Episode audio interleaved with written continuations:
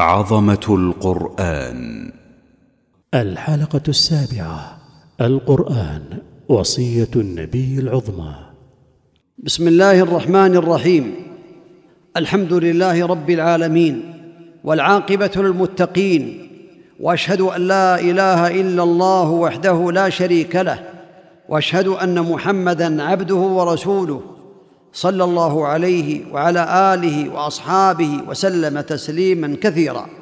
أما بعد فمن عظمة القرآن الكريم ومما يدل على عظمته ووجوب تعظيمه أن رسول الله صلى الله عليه وسلم أوصى به في عدة أحاديث. فثبت من حديث عبد الله بن أبي أوفى رضي الله عنه أنه سئل هل أوصى رسول الله صلى الله عليه وسلم؟ قال أوصى بكتاب الله عز وجل. هذه وصية رسول الله صلى الله عليه وسلم. أعظم الوصايا التي أوصى بها النبي عليه الصلاة والسلام. أوصى بوصايا هذا هو أعظمها.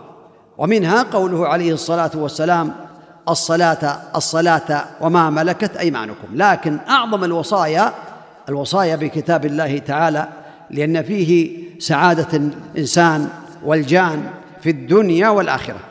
والمعنى بالوصية بكتاب الله تعالى حفظه حسا ومعنى فيكرم ويصان ويتبع ما فيه فيعمل بأوامره وتجتنب نواهيه ويداوم على تلاوته وتعلمه وتعليمه ونحو ذلك من هذه الأمور التي ينبغي للمسلم أن يعنى بها.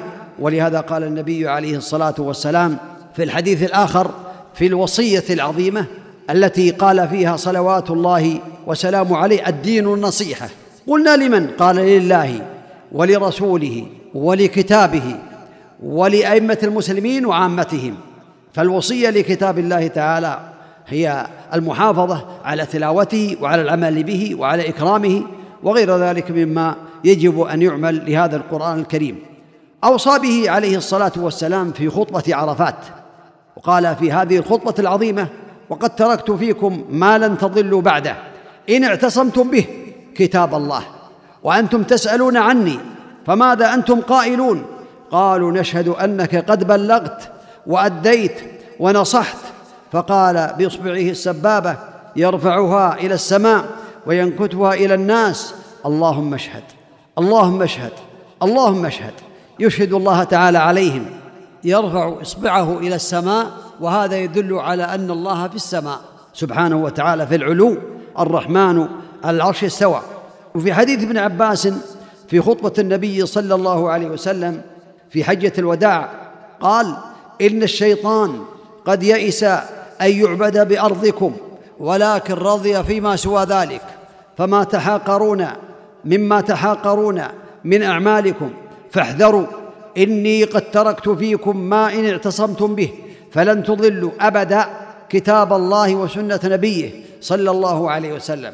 في هذا الحديث أوصى بكتاب الله تعالى وبسنة النبي عليه الصلاة والسلام. وقال في حديث زيد بن أرقم حين خطبهم في غدير خم وأنا تارك فيكم ثقلين أولهما كتاب الله فيه الهدى والنور هو حبل الله من اتبعه كان على الهدى ومن تركه كان على الضلالة فخذوا بكتاب الله واستمسكوا به فحث على كتاب الله ورغب فيه. وفي حديث أبي ذر رضي الله عنه قال قلت يا رسول الله أوصني. قال أوصيك بتقوى الله فإنه رأس الأمر كله.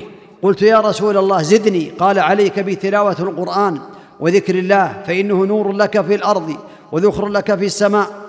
فقد جاءت هذه الأحاديث تدل على أن رسول الله صلى الله عليه وسلم أوصى بكتاب الله عز وجل في خطبة عرفات وفي خطبة أيام منى وفي خطبة في غدير خم بين مكة والمدينة وعند موته عليه الصلاة والسلام وهذا يدل على عظمة القرآن ووجوب تعظيمه.